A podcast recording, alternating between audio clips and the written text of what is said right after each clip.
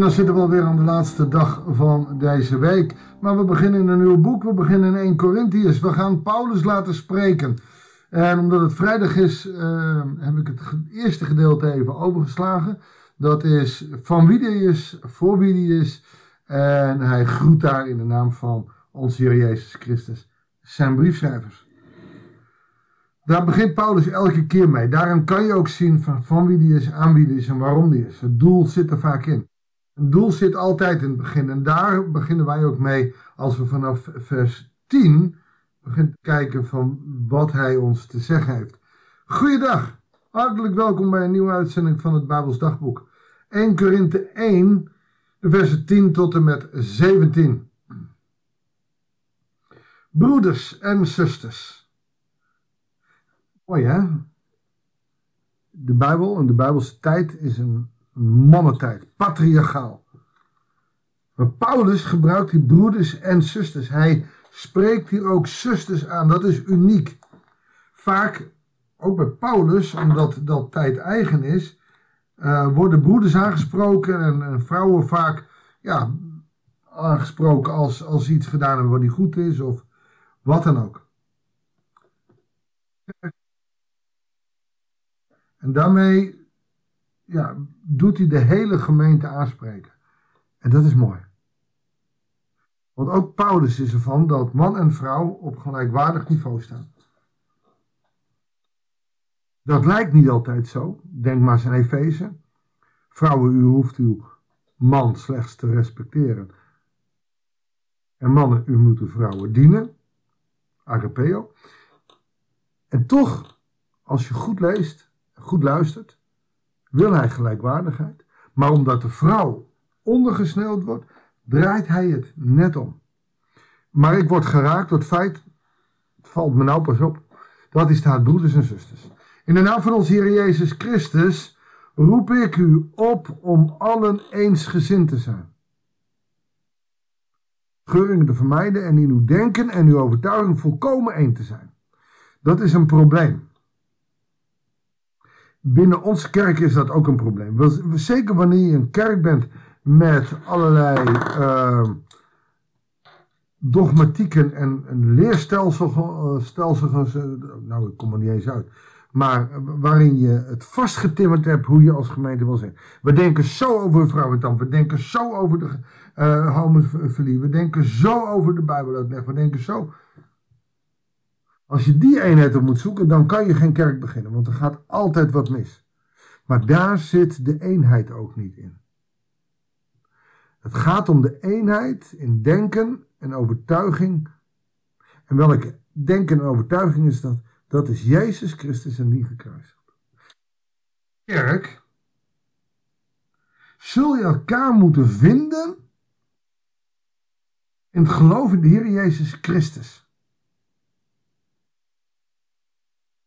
Niet in hoe je over homo's denkt. Niet in hoe je over vrouwen dan denkt. Niet hoe je over Genesis 1 denkt. Maar in Christus moet je elkaar kunnen vinden.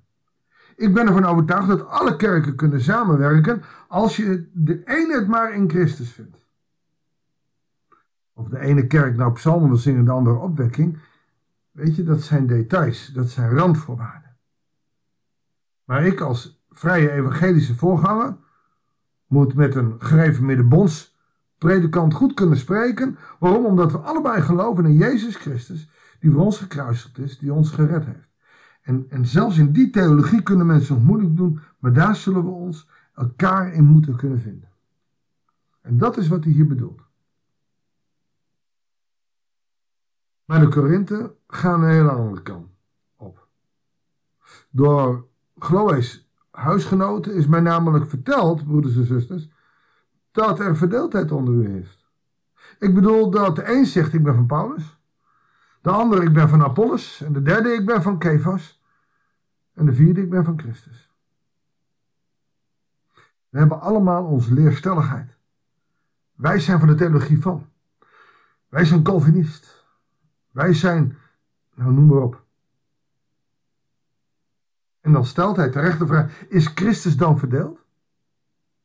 Is Paulus, leuk hè, Paulus heeft het over zichzelf. Is Paulus soms voor u gekruisigd? Of is het in de naam van Paulus dat u bent gedoopt? Ik dank God dat ik niemand van u, behalve dan Crispus en Gaius, heb gedoopt. Paulus doopte dus niet. Dat liet hij over aan de oudste van de gemeente. Paulus zelf deed het niet. Zodat niemand kon zeggen, ik ben door Paulus gedoopt, ik ben belangrijk. Want jij bent maar door Petrus gedoopt.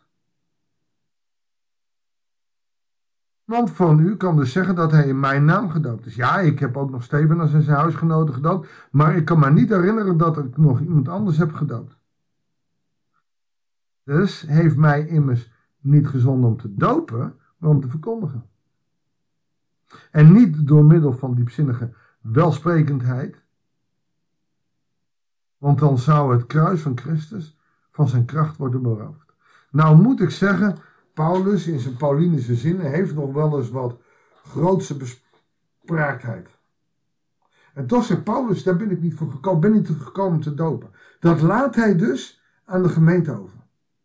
Maar dan nog moet je in de naam van Christus gedoopt worden. Of, zoals Jezus ons dat geleerd heeft, in de naam van de Vader, de Zoon en de Heilige Geest. Dat heeft Jezus ons geleerd. En niet in de naam van Paulus, bij ons niet in de naam van Dirk, maar in de naam van de Heer Jezus Christus. Want dat is degene die ons verbindt. Daarom, als er mensen lid worden vanuit een andere kerk, uh, is hun doop, maar ook hun beleidenis vaak bij ons gewoon geldig. Waarom? Iemand heeft oprecht ja gezegd tegen God, daar gaan we vanuit. En dat is dezelfde God. Iemand gelooft in de Heer Jezus Christus. Dat is dezelfde Heer Jezus Christus. Dat ze bij ons komen omdat ze opwekkingsliederen mooi vinden. Prima. Of dat de vorm van de dienst mooier is. Prima.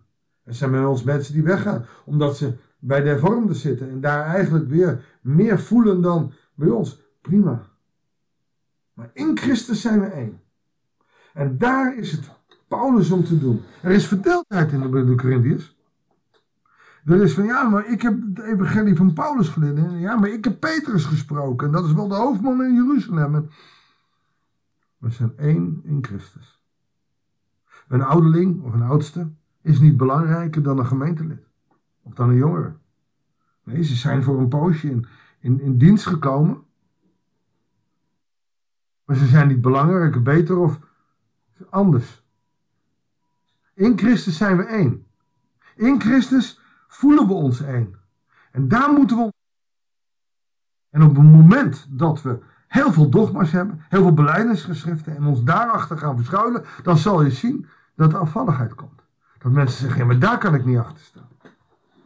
Zelf ben ik blij dat onze gemeente alleen het beleidnis heeft van Jezus Christus en die gekruisigd. We hebben geen andere beleidingsgeschriften, geen andere dogma's. Dat betekent dat we wel als gemeente moeten nadenken hoe denken we over dingen. En dat het best over tien jaar anders kan zijn. Voortschrijdend inzicht. We leven met de Heilige Geest. En we hebben te maken met de tand des tijds. Maar God blijft hetzelfde. En hoe gaan we met de boodschap van God om? Daarvoor is dan actief bestuur nodig, die ook geestelijk leiding geeft. En niet over allerlei dingen loopt dimdammen en zakelijke dingetjes doen. Dat maakt sturing geven aan de gemeente zo mooi.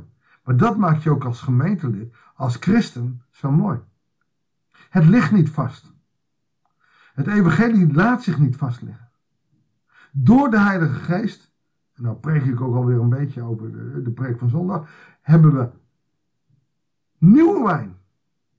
Door de Heilige Geest is, is het evangelie elke keer nieuw. Moeten we dat niet in oude zakken stoppen? Oftewel in een oude kerk en daar allemaal nieuwigheid in stoppen. We moeten ook de zakken vernieuwen. We moeten de kerk, de gemeenschap vernieuwen. Je kan niet blijven zitten waar je zit. Je moet veranderen. Je moet, anders raak je mensen kwijt. En heus, er zijn dingen bij ons ingeleverd die ik jammer vind dat we niet meer doen.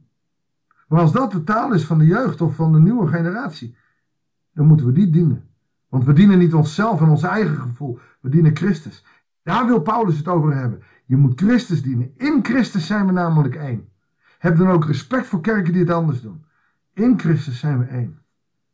En zijn er mensen die niet naar jou toe zo zijn? Laat het lekker zo zijn. Als jij het maar wel naar hen doet. Zullen we daarvoor bidden? Vader, in uw naam, in de naam van Jezus Christus, Mogen wij ons verbonden weten met Chinezen die kerkelijk betrokken zijn in, in, in China, die we niet kennen. Maar we zijn één in u. Met christenen die gevangen zitten in Korea, we zijn één in u. Met broeders en zusters in dezelfde plaats van een andere kerk, één in u. Leer ons dat we in u eens zijn en dat er verschillen zijn, dat mag. Dat we ergens anders over nadenken, mag. Maar we zijn één in u. Leer ons, Heere God, om die eenheid te vinden. Niet meer en niet minder, maar dat uw naam geloofd en geprezen zijn, van nu aan tot in eeuwigheid. Ga met ons mee deze dag. Ga met ons mee dit weekend en zegen ons. Vul ons met uw kracht. Vul ons met uw Heilige Geest. Zodat wij niet oude wijn zijn, maar vernieuwde wijn, nieuwe wijn. En dat we dat niet in oude structuren gaan zetten, maar dat die kerk vernieuwen mag. In Jezus' naam. Amen. Dankjewel voor het luisteren. Ik wens je God zegen en heel graag tot de volgende uitzending van het Bijbels Dagboek.